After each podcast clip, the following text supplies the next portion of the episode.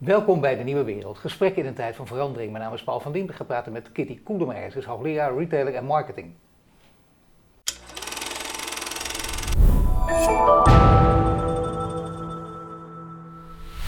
Welkom Kitty. Dank je. En nog beter eigenlijk, hè, als je jou aankondigt, nog beter zeggen marketing en retailer. Ja. Dat staat groot voorop natuurlijk. We gaan praten over eh, waar wij vaak over gesproken hebben aan Ja. deze tafel. En Ja. het is nu wel een moment, denk ik. Hè. We hebben steeds eh, de aankondigingen gehoord, ook uit jouw mond en ook van anderen. Er komt een, eh, een bloedbad, enorme fa- faillissementen. Dat valt allemaal mee. En er zijn mensen ja, die zeggen dat valt mee, omdat dat we het ergste nog niet gezien hebben. Dat gaat allemaal nog komen. Niet om mensen bang te maken, maar om zo dicht mogelijk bij de feiten te blijven. Voor zover dat kan, hè, want dit gaat over Ja. voorspellingen. Maar hoe staan we er nu voor? Dat bloedbad is er nog niet. Gaat het ervan komen of niet? De verwarring is in ieder geval heel groot. Dat klopt. En eh, ja, de- ook, daar, ook daar verschillen de meningen over. Maar als je het mij vraagt, kijk, heel veel bedrijfsbeëindiging gebeurt natuurlijk kruipsluipen. Hè. Er zijn heel veel kleine ondernemers geweest die hebben gezegd, nou, ik ga geen faillissement afwachten, ik heb geen goede opvolging, ik beëindig het bedrijf maar. Hè. Dus, dus dat, Ja. vooral in die, in, die, in die categorie kleine bedrijven zie je dat heel veel, ja, toch, toch verdwijnt. Ja.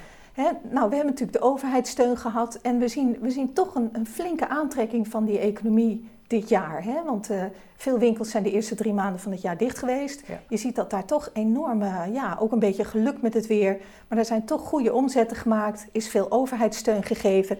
We weten niet wat er nog komt. Dus eh, ja, in zo'n geval is het, het is nog heel goed mogelijk dat er nog een bloedbad volgt. En wat je eigenlijk eh, vooral ziet, is dat er een steeds grotere kloof ko- komt tussen ondernemers die echt ja, er goed voor stonden, goed eh, toegerust zijn op de nieuwe tijd, veel meer met digitalisering om die channel. En ondernemers die daarin toch al niet zo goed stonden voor deze cor- coronapandemie.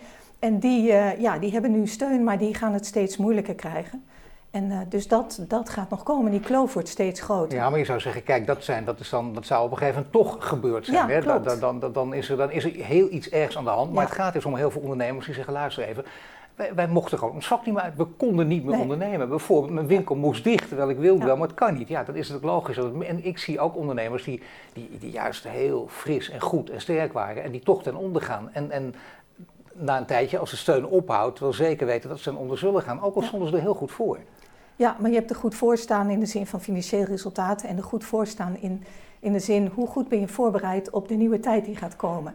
Hè, en corona heeft natuurlijk ervoor gezorgd dat, dat we in een, razend tempo een jaar of vijf tot tien vooruit zijn gegaan met digitalisering, maar ook met, met andere zaken. En we zien nu ook die, die duurzaamheid enorm oprukken. Hè. Dus je ziet, ik spreek veel met retailers, innovatie is nu echt het thema en ze snappen ook dat het niet alleen over digitalisering gaat, maar ook over duurzaamheid, verantwoordelijkheid nemen en, en dat soort zaken. Nee, en als ze niet willen, ze moeten wel natuurlijk. Ja, hè? Ik bedoel, tuurlijk, ze Timmermans is een keiharde deal. Die, eh, die Ja. zit, eh, nou ja, goed, daar, daar, daar, daar heeft die Maar kant heeft ook een negatieve kant. Hè? Ja. Heel veel mensen schrikken daar ook van. Die Ja. denken, wacht even, wat gebeurt er eigenlijk allemaal? Gaan we onze welvaart weggeven? Ja, dus er is steeds minder tijd voor ze.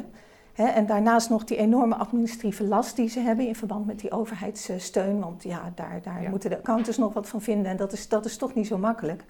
En eh, ja, dus ik verwacht de komende jaar, jaren zeker, dat daar nog veel staat te gebeuren. En ja, het kaf van het koren scheiden klinkt wat onaardig, maar je hebt ja, ondernemers die daar niet in mee kunnen en ondernemers die daar echt eh nee, maar als je dat zegt, dan zijn denk ik toch een aantal ondernemers wel in de wiek geschoten. Want die denken, ja Vast. maar wacht even. Want Ja. eh, dat is logisch. Als het heel slecht ging en je was een bedrijf dat, dat toch wel niet goed... en dan heb je uitstel van executie gekregen. Maar Ja. nogmaals, het gaat mij om die grote, behoorlijk grote groep... Die, waarmee het wel op allerlei gebieden goed ging. Die ook op de toekomst waren voorbereid. Ja, er komt iets tussen waardoor je niet Ja. kon werken. Festival-eigenaren, Erik van Ja, Eerdenburg, normaal een redelijke man. Die zegt het is onbehoorlijk bestuur. Eh Argentier, die ook natuurlijk, Ja. ondanks dat ze 100% steun krijgen straks... die gaan toch naar de rechter, omdat dit een belangrijke principiële zaak is. Maar dan heb je het over sectoren toerisme, events, hè, fysieke retail, retail, de winkels, dat is dan, ja, die, die hebben daar natuurlijk ook heel erg onder geleden. En, en daar is ook een, een verkeerd onderscheid gemaakt hè, tussen grote en kleine winkels. Denk aan Ja. die tegemoetkoming vaste lasten.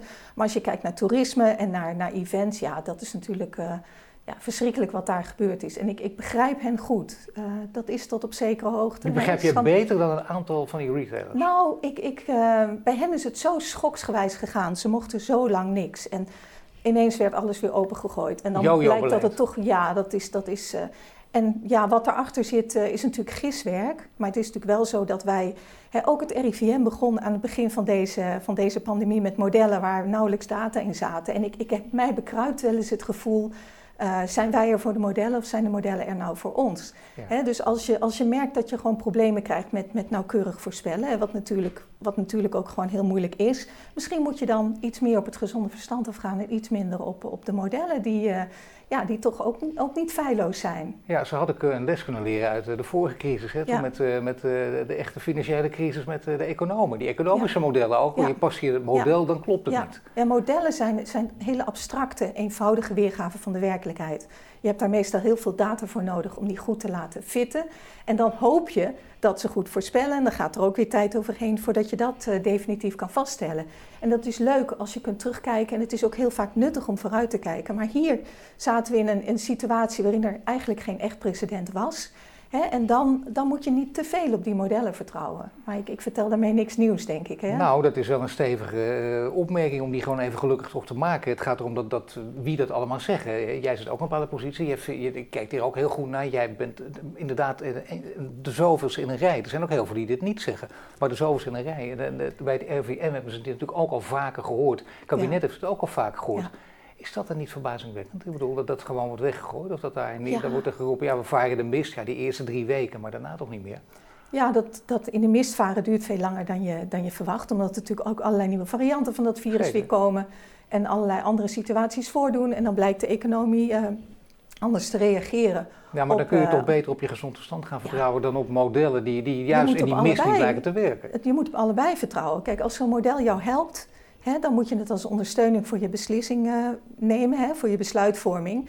En als je merkt dat zo'n model bijvoorbeeld een te groot betrouwbaarheidsinterval heeft, in die categorie het kan vriezen, het kan dooien, kan alle kanten op, ja, kies je dan voor de hele veilige weg en zeg je ik wil toch uh, geen enkel risico nemen of, of niet. En je ziet dat het kabinet daar wel mee speelt. Je ziet wel dat ze dat proberen. Af en toe gaat het goed en nu gaat het uh, goed mis. Nou ja, het gaat echt goed mis natuurlijk uh, vanwege uh, echt fout op fout en blunder op blunder. Ja. Dat is nu uh, vriend en vijand hebben het nu al geroepen en zo. Ja, en dat is wel verbazingwekkend klopt, ook, hè, dat ze er toch steeds mee wegkomen.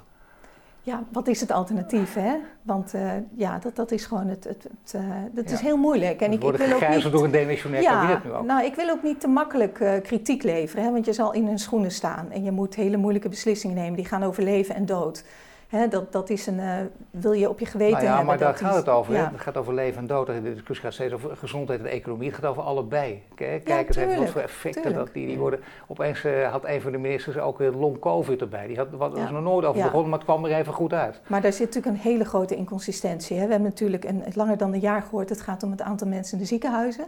Ja. En nu ja, nemen de besmettingen enorm toe, maar het aantal mensen in de ziekenhuizen, ja, dat, het is nog niet helemaal duidelijk.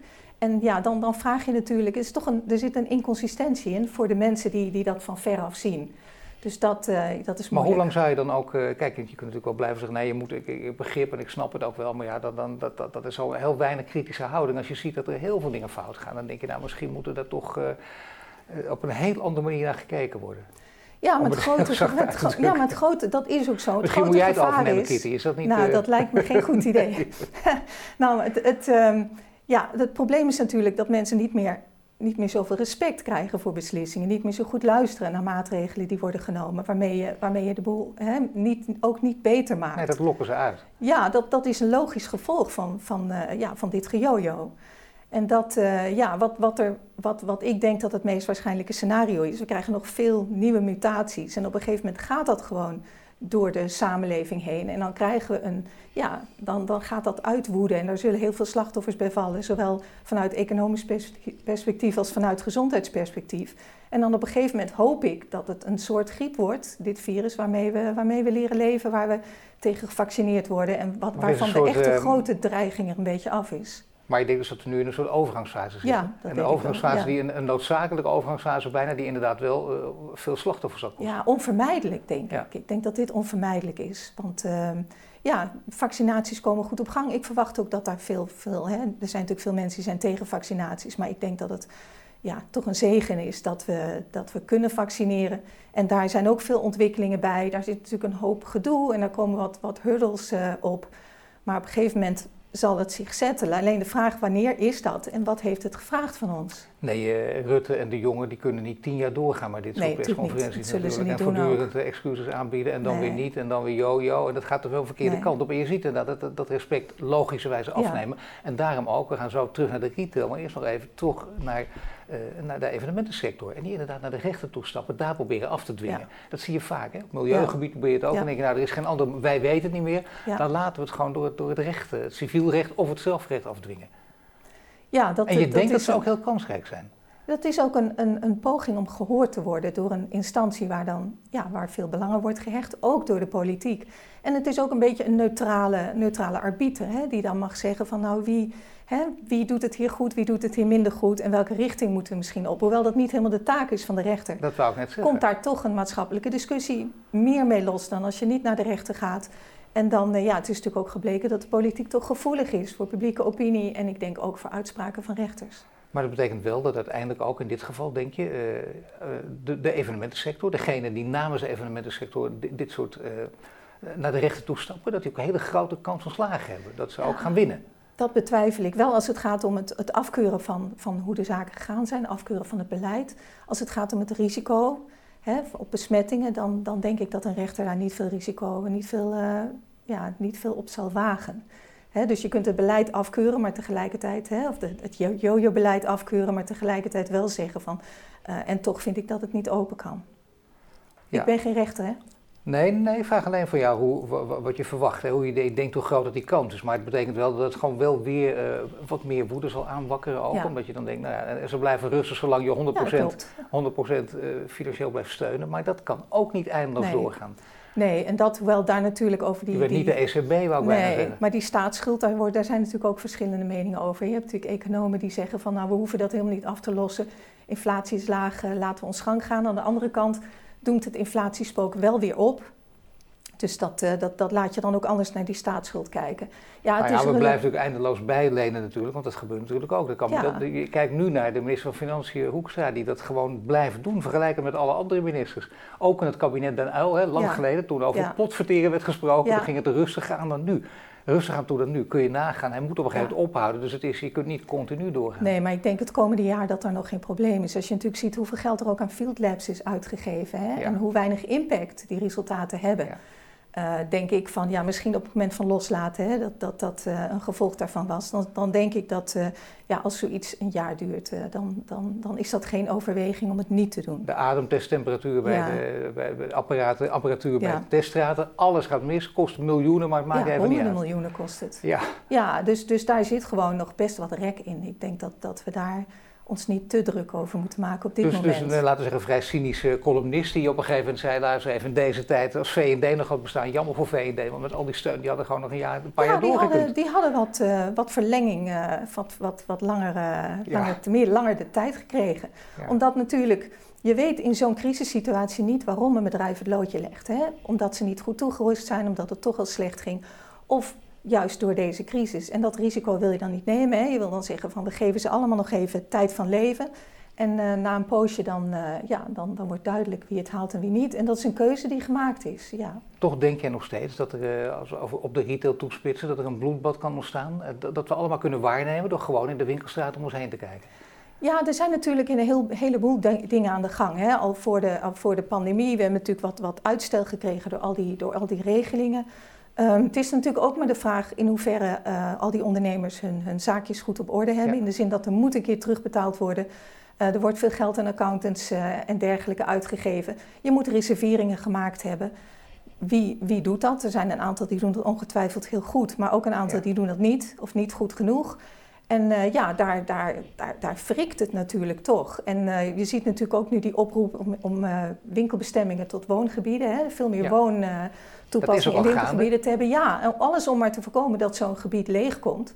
En eh, wat je dan ziet is dat zo'n gebied transformeert van een, van een shoppinggebied, een winkelgebied wat een bredere aantrekking heeft, tot een wat meer lokaal gericht woon-winkelgebied. Waar mensen ook meer thuiswerken hè, en die dan een hele belangrijke lokale functie krijgen. En dat is, dat is best goed, vind ik. Dat is wel goed. Dat betekent wel dat een van de grootste hobby's voor veel Nederlanders, namelijk shoppen, dat, daarmee over is. Nee, het is niet over. Je kunt het in een beperkter aantal gebieden doen. Hè? Dus je kunt niet meer overal, niet meer in die, die 25, 40 gebieden. Het worden er gewoon minder. Dus als je dan shopt, dan is dat meer in je, je eigen buurt. Dat is dan meer sociaal. En echt het winkelen doen we dan meer online en in een aantal grotere winkelgebieden. Ja, dat zijn dan toch, het werd aangekondigd ook in coronatijd. Sommige mensen deden dat met heel veel vreugde, anderen wat minder. Maar die zeiden, zie je wel, deze tijd zet aan tot heel veel grote veranderingen. Dat zien we op allerlei gebieden. Dit is een behoorlijke verandering die je nu aangeeft. Maar nog veel belangrijker en structureler. Ik heb hem even op een rijtje gezet. Wij zagen toen die hele keten, daar hebben wij het ook nog over gehad. Ja. Accountantskantoren, banken, verzekeraars, vastgoed, belastingdienst, politiek vastgoed, politiek vastgoed, ondernemers, consument, leverancier. Allemaal aan elkaar verweven met dat ja. lelijke woord keten. Ja, ja daar, daar hadden we niet zo'n inzicht in. Daar krijgen we steeds meer inzicht in. Er komen ook meer cijfers over naar buiten. Gaat er in die hele keten wat veranderen? Ook in de zin van verliezers en winnaars? Um, ja, ik denk het wel. Ik denk dat dat onvermijdelijk is. Um, je ziet wel, ik zie ook veel beweging nu aan de vastgoedkant. Hè? Die, die, die niet meer alleen gericht zijn op vierkante meters vuren, maar veel meer ook in de, in de samenwerking, uh, hoe, hoe uh, flauw dat ook klinkt, hè, maar meer omzetafhankelijke huren. Gewoon veel, veel meer beseffen dat, uh, dat hun positie ook echt toe doet in het, in het geheel. Um, ja, ik, um, dat, dat, wat, waar dit ook mee te maken heeft, is dat we heel erg altijd denken vanuit instituten. Hè? De retail is een instituut en dat doet dit en dit en dit en dit. Hetzelfde met banken, verzekeraars, vastgoedbedrijven. Maar wat je natuurlijk in de toekomst steeds meer gaat zien, is dat er een aantal functies zijn die moeten worden uitgeoefend met activiteiten daarbij. En er zijn verschillende partijen die dat kunnen doen. En dat, dat komt natuurlijk van de techhoek aanwaaien. Hè. Die zeggen wij zijn een technologieonderneming, onze software is de motor, de data dat is, het, uh, ja, dat is de olie of de benzine of hoe je het wil noemen. En wij doen gewoon allerlei activiteiten. Wij hoeven daar geen instituten voor te hebben. En dat, ja, dat, dat, dat besef dringt ook steeds meer door en die noodzaak ervoor wordt ook steeds groter. Dus als je naar die ketens kijkt, dan kijk je naar allerlei instituten in die ketens. Terwijl het er vooral om gaat dat er een aantal activiteiten hè, in die keten moet worden uitgevoerd. En maar dat betekent dat er heel veel instituten uh, omvallen, wegvallen, of hoe ja, je het wil noemen. Of een bestaansrecht verliezen, hè? te weinig waarde toevoegen in het geheel. En, zullen we er eens een paar uitpikken, met name de banken. Daar, eh, daar, als je toch over de techsector begint, die, die zullen op een gegeven moment hun bestaansrecht gaan verliezen. Nou, niet volledig. Kijk, die tech-ondernemingen die concurreren breed, met name internationaal met elkaar. Hè. Met big tech concurreert vooral met big tech. In een enorm expanderende markt waarin zij toch willen voorlopen. Hè. Dus je ziet dat ze vooral ook naar elkaar kijken, dat zijn hun peers. En daar hoort natuurlijk bij, als jij je op de financiële markten richt, het, het concurreren met banken op meer lokale, regionale markten. Maar eigenlijk wil je niet dat dat je afleidt van, van je echte focus. Hè? Dus je ziet dat, dat banken in bepaalde zaken heel goed zijn. Ze hebben een infrastructuur waar techbedrijven vaak heel, heel graag gebruik van maken. Denk aan betalingsverkeer, hè, waar ze dan een, een softwarelaag overheen zetten. Maar ze hebben ook uh, heel veel kennis op het gebied van privacy, heel veel lokale kennis hè, van regulering en weet ik wat. En, en het is heel aantrekkelijk om daarmee samen te werken, tot een soort symbiose te komen. Dus de bank als instituut zoals we dat nu kennen gaat veranderen. Maar het wil niet zeggen dat banken verdwijnen. Alleen ze zullen andere dingen gaan doen. Dus ze zullen zich anders uh, positioneren. Ja, datzelfde vraag geldt natuurlijk dan ook voor eh, de verzekeraars. Ja, dat geldt absoluut. absoluut. Op precies dezelfde manier voor banken? Ja, je hebt een, een, ja, je hebt een aantal ontwikkelingen. Decentralisatie, hè, dat heeft ook met transparantie door, door online te maken. Uh, je ziet die, die bundeling, hè, ontkoppeling. Dus, dus in plaats van het verkopen van hele pakketten. Je ziet dat aan die techbedrijven. Die verkopen op allerlei plaatsen in de customer journey kleine stukjes. Een verzekeringetje voor dit hier, een betaalmogelijkheid of een kredietoplossing daar.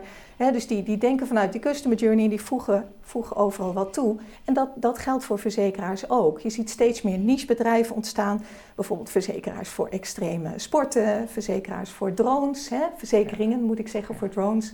En dat, uh, dus die, die, ja, die, die ontwikkeling die leidt ertoe dat zo'n zo'n instituut, zo'n groot bedrijf zich zal moeten aanpassen. Maar is er geen ontwikkeling die, die toeslaat dat mensen denken, nou weet je wat, eh, ik zie zoveel gebeuren en zo, uh, uiteindelijk uh, word ik toch wel een keer gered, ik geloof het, ik ga me niet meer lopen oververzekeren. Het idee van, van, van mensen, die, die, de economen die zeggen, praat nou eens een keer met je buurman en zeg tegen je buurman, denk jij, of tegen je buurvrouw, vraag eens even, ga, denk je dat je huis komend jaar in brand staat? Of dat hij in, in zegt bijna iedereen nee, ik denk het niet. Waarom zou je dat verzekeren? Als, als, uh, laten we zeggen als voorbeeld, en dat staat voor veel meer, paspoort auto bijna, dan kun je zeggen, nou dit doen we bijna nooit meer. Je hoeft je veel minder te verzekeren. Ja. En dat zal ook uiteindelijk de grote verzekeraars gaan aantasten. Dat begint klein, dat wordt heel groot. Nee, is dat, is dat, is dat een soort, uh, het zeg je dat, een soort droomverhaal? Of is het, Nou, het is een beetje onze volksaard om te verzekeren.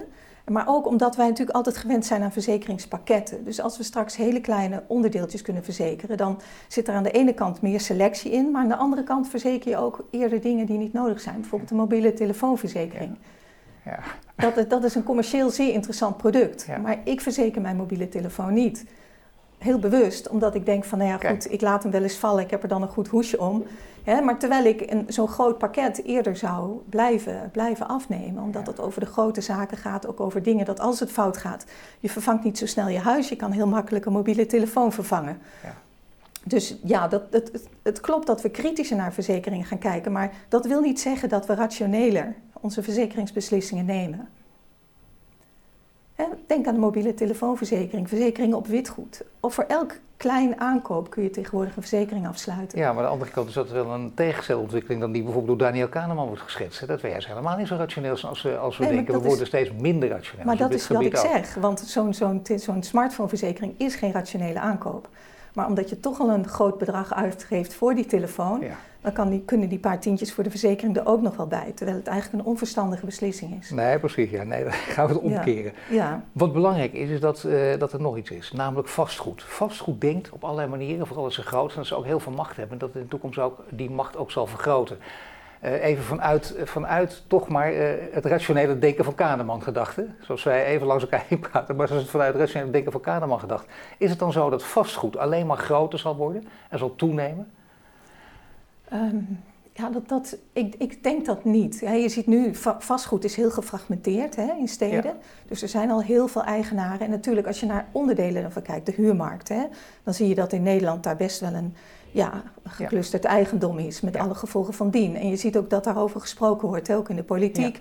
Pas een artikel over eh, Wenen, waarin dat, waarin dat heel anders ligt, waarin die overheid een hele, hele andere rol heeft. Dus als je het hebt over de huurmarkt en vastgoed, dan snap ik dat goed. Ehm, je ziet aan de andere kant toch ook steeds meer. ehm, ja, het, het ligt er ook een beetje aan hoe aantrekkelijk dat is om dat als één partij te blijven doen. Hè? Wat je natuurlijk in het verleden, Ja. bijvoorbeeld retail, je kocht Ja. een groot pand, je ontwikkelde dat en je sloot dan een heel aantrekkelijk langetermijncontract af Ja. met een grote retailpartij.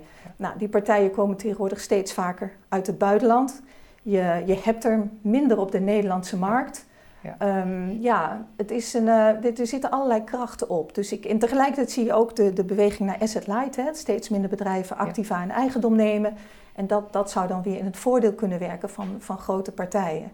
Dus Zijn, ik, zijn er eh, grote partijen? Kun je bijvoorbeeld een cijfer zien van een onderzoek dat bekend is, dat, dat ik niet ken, maar kun je zien dat daar eh, bepaalde partijen met naam en toenaam te noemen zijn, die hier echt garen bij spinnen?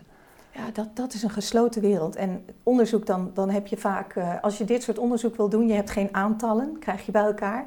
Dus je komt op kwalitatief onderzoek, je komt op case studies, je komt op. En die, die partijen zijn daar te Dat gesloten valt mij voor. op dat denk dus ik, door de dat wetenschap is dat ondoordringbaar. Dat geldt dus ook voor bepaalde onderzoeksjournalistieke eh, groeperingen die dit proberen, die daar heel moeilijk tussen kunnen komen. Dat, dat is dus de belangrijkste reden. Ja. Dat is een, een afge- echt een afgesloten gebied in Nederland. Ja, en wetenschappers zoeken natuurlijk naar mogelijkheid om een onderzoek te publiceren in een, in een goed journal, hè, een goed peer-reviewed journal. En dat betekent dat je methodologisch, hè, je kunt je theorie wel ontwikkelen, maar methodologisch moet je van goede huizen komen hè, om in die tijdschriften Ja. hè, geaccepteerd te worden. En dat is, eh, dat is natuurlijk lastig als je, als je enkele partijen zijn waar je, hè, dus je, je krijgt bijna het, het antropologische onderzoek waarin je, hè, waarin je wel toegang moet hebben tot dat soort partijen. En dat is, dat is lastig. Maar het is een heel interessant eh, gebied. Nou ja, nee, interessant Maar- gebied, maar ik zou bijna zeggen, is, is dit ook niet de tijd? thema. Omdat we, ja, zeker. Ja. Omdat wij, nou maar interessant eh, wil ook zeggen, interessant is pas als je het kan doorbreken. Ja, Als je hier een vinger achter kunt krijgen, want dit is nog echt een gesloten gebied. ja maar we weten In dus ook niet... transparante open tijden zo Nee, dat klopt. Ja, dat klopt. Maar we weten dus ook niet hoe het precies is. Dus je kunt ook niet zeggen dat het niet goed is. Hè? Dat is het lastige. Nee, dat weet ik. Maar je zou wel kunnen zeggen, er is nu wel een poging om het open te gooien. Ja, dan kunnen wij, absoluut. eh, dan kunnen onafhankelijke onderzoekers daar naar kijken. Ja, en je ziet dat natuurlijk al in de, hè, bijvoorbeeld die rechtelijke uitspraak dat een, een verhuurder moet meebewegen. Ja. Als het gaat om huur, ehm, dat, dat vind ik al een mooi begin. Ja. En eh, heel veel partijen die Nou, vastgoed in, in eh, sorry, pakken. Heel veel partijen die vastgoed in eigendom sorry. hebben, die, dat zijn natuurlijk grote investeringsmaatschappijen. Die hebben natuurlijk Ja. institutioneel geld daarachter. Dus daar, daar zit wel, dankjewel, er zit wel enige regulering in.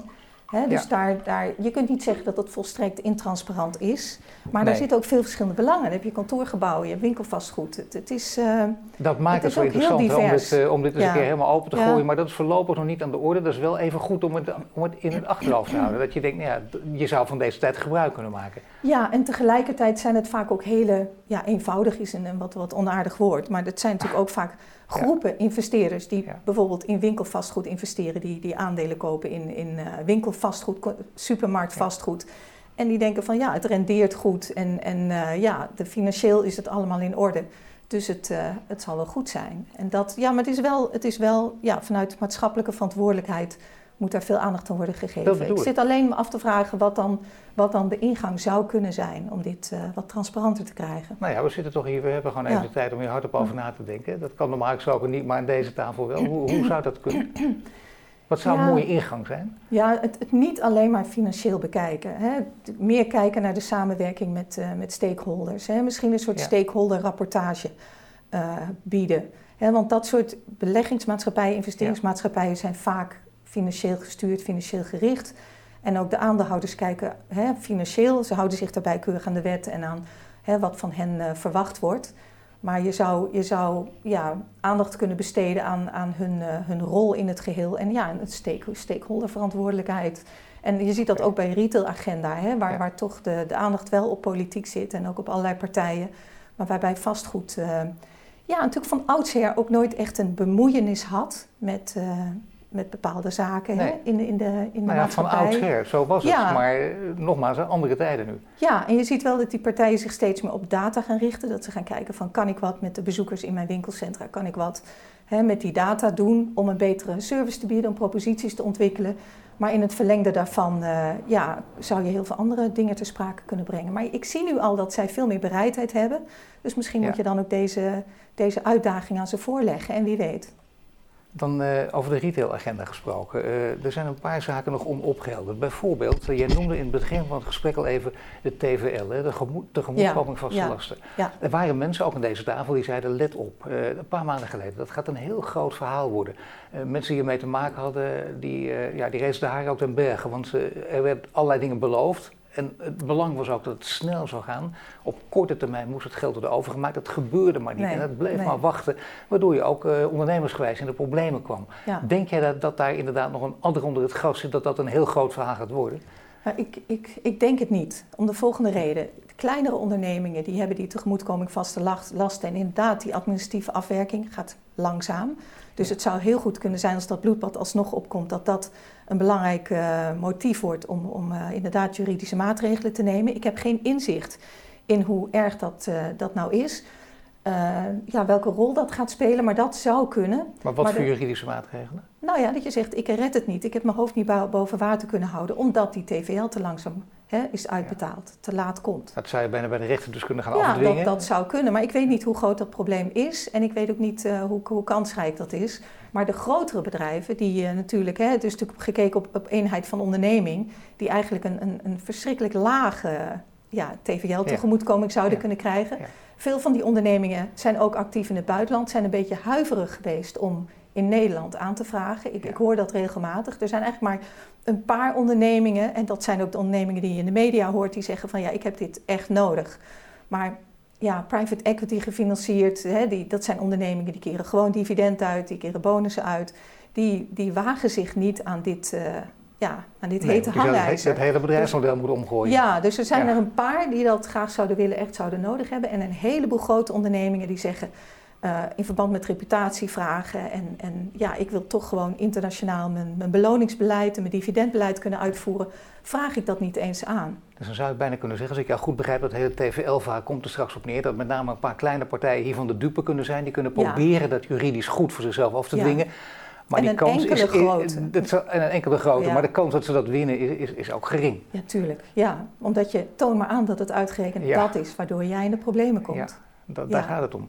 Dan maar dat ook- neemt niet weg dat ik vind dat die regeling niet goed is uitgevoerd. Hè? Ik bedoel, ik begrijp het wel, hè, zoals gewoonlijk in alle drukte. En, maar dat, dat had veel beter gekund. En, en vertegenwoordigers van de brancheorganisaties, die, die hebben zich daar natuurlijk enorm druk over gemaakt en terecht. Ja. En dat had veel beter gemoeten. Want die hoorden natuurlijk meteen de geluiden ook van dichtbij. Ja. Voor de mensen die het ook direct Ja. troffen en zo. En die mensen zijn ook echt zwaar de pineut. En daar kun, je, kun, je, kun je die woede in ieder geval van voorstellen, ja, tenminste. zeker. En waar we het ook over En vooral hadden. als je hè? hoort dat je dus, je kunt het gaan afdwingen, maar dat het heel erg moeilijk is. Ja, en hoe- wie heeft geld om hè, en de, en de, tijd van leven om dat te nog. doen? Ja. En eh, er zijn natuurlijk Europees veel meer mogelijkheden, dat, dat, eh, dat weten de, de brancheorganisaties ook. En toch wordt dat dan niet, niet eh, voortvarend opgepakt. Wat voor mogelijkheden zijn er dan? Nou ja, er waren, eh, er, er waren ja, vanuit de Europese regelgeving, ik weet de details niet, maar veel meer mogelijkheden om met tegemoetkomingen voor grotere ondernemingen hè, het plafond te verhogen, om daar eh, ja, meer dingen mee te doen. Maar dat is eigenlijk. Dat werd toen wel ook geroepen, dat werd, Ja. door Ja. geroepen, er werd alleen wel bijgezegd ook, ja, alleen dat gaat nog veel langer duren. En dat was nou net de angel. Ja, en dat, de vraag is of dat nodig is. Ik heb daar geen inzicht in. Maar dat, eh, ja, het had gewoon veel beter gekund dit. En dan maar ja, er zijn natuurlijk ook dingen wel goed gegaan, eh, maar En dan de natuurlijk. En dan de terugbetaalregeling. En dat is ook, eh, kijk, heel veel mensen, althans ondernemers, zeker daar ook van. Die denken, wacht even, ik hoor om me heen dat ik wel wat terug moet betalen, anderen weer Ja, niet. ja. Het is ook hier volkomen onduidelijk. Ja. ja, het heeft natuurlijk ook mee te maken dat als je op het scherpst van de snede opereert, stel je hebt 21% omzetverlies en je denkt, hé, hey, ik kom in aanmerking voor, hè, voor een regeling. Ja. En dan blijkt achteraf uit je administratie dat het, ik noem maar wat, 19,5% is geweest. Hè? Dus je, je, Nee, dat je- is, eh, je- nee, je dat zit maakt, eh, natuurlijk, ja. je Nee. zit natuurlijk met, met allerlei administratieve lasten. En wat natuurlijk ook, eh, ook een, een probleem is, je, je belastingen, je kunt daar wel uitstelling, uitstel van vragen. Maar de, de, de jaren daarna moet je dus ook verdienen, hè, het Ja. zo goed doen om die, die belastingen ook weer te kunnen afdragen. En dan moet je, vra- vraagt een enorme discipline en toch een, ja, een redelijk succesvolle bedrijfsvoering om dat goed te kunnen doen. Anders hangt dat als een molensteen om je nek. Dus dat zijn ook mensen die, die goed gaan, die, die nu gewoon eh, waarschijnlijk dat ook al doen, die heel goed gaan zitten cijferen, die weten gewoon, nou Ja. ik kan mijn bedrijf nog wel een half jaar in stand houden, maar wat er ook gebeurt, hoe goed ik het ook doe, tenzij ik extreme omzetten ga draaien, maar normaal gesproken is het voorbij. Ja, ja of, of eh, red ik het net. Hè? Ja, dat- ja. dan, en wat, wat mijn, eh, wat, wat mijn eh, vrees is, is dat het ten koste gaat van de innovatie. Het gaat ten koste van investeringen. Want als je moet betalen, hè, dan, dan gaat dat voor. Fiscus gaat voor, zeker als je moet terugbetalen. En eh, dat betekent dus dat je, dat je minder geld vrij hebt om nieuwe dingen te doen. Je gaat om te extreem op innoveren. zeker om- spelen. ja, je gaat op zeker spelen. En ja, je ziet ook steeds meer de roep om gezamenlijk te innoveren. Het zijn natuurlijk zeker als je het over digitalisering hebt. Ja. Dat zijn toch vrij, eh, ja, vrij kostbare investeringen. Ga ineens maar wat met data doen.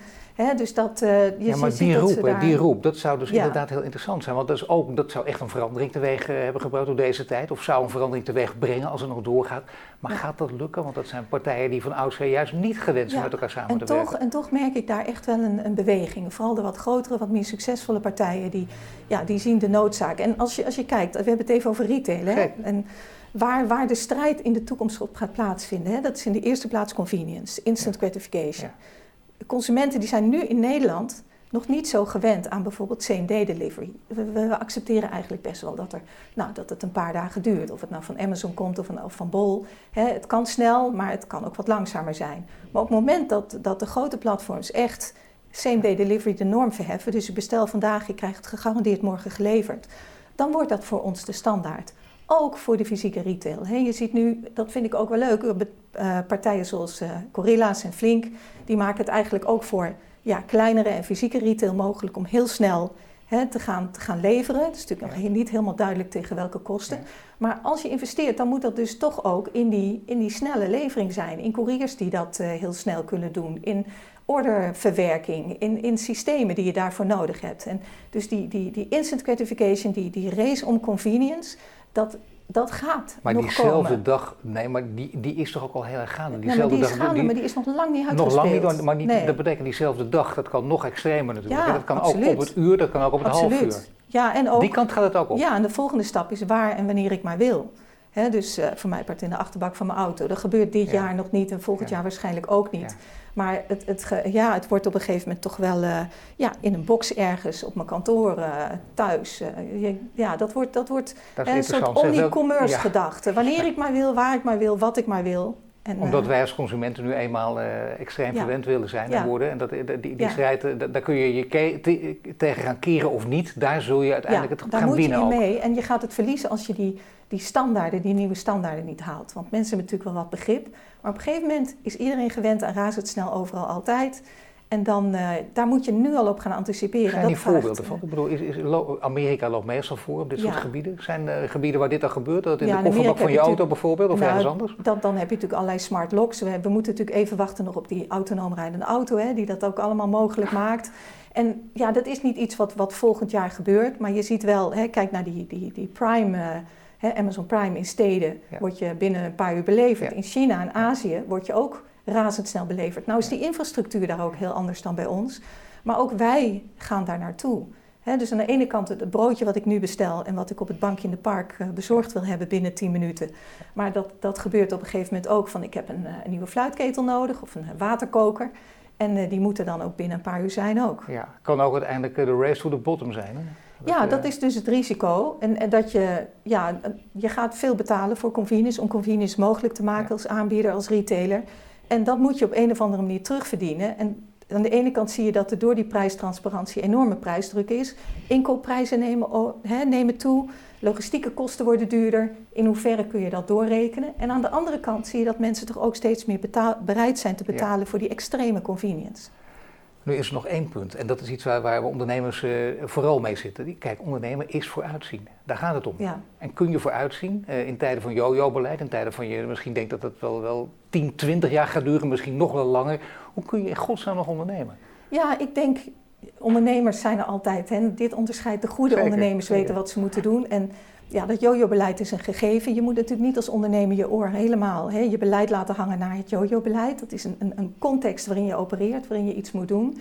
Je moet je ook niet laten intimideren door wat grote nieuwe techpartijen doen of alle nieuwe technologische mogelijkheden.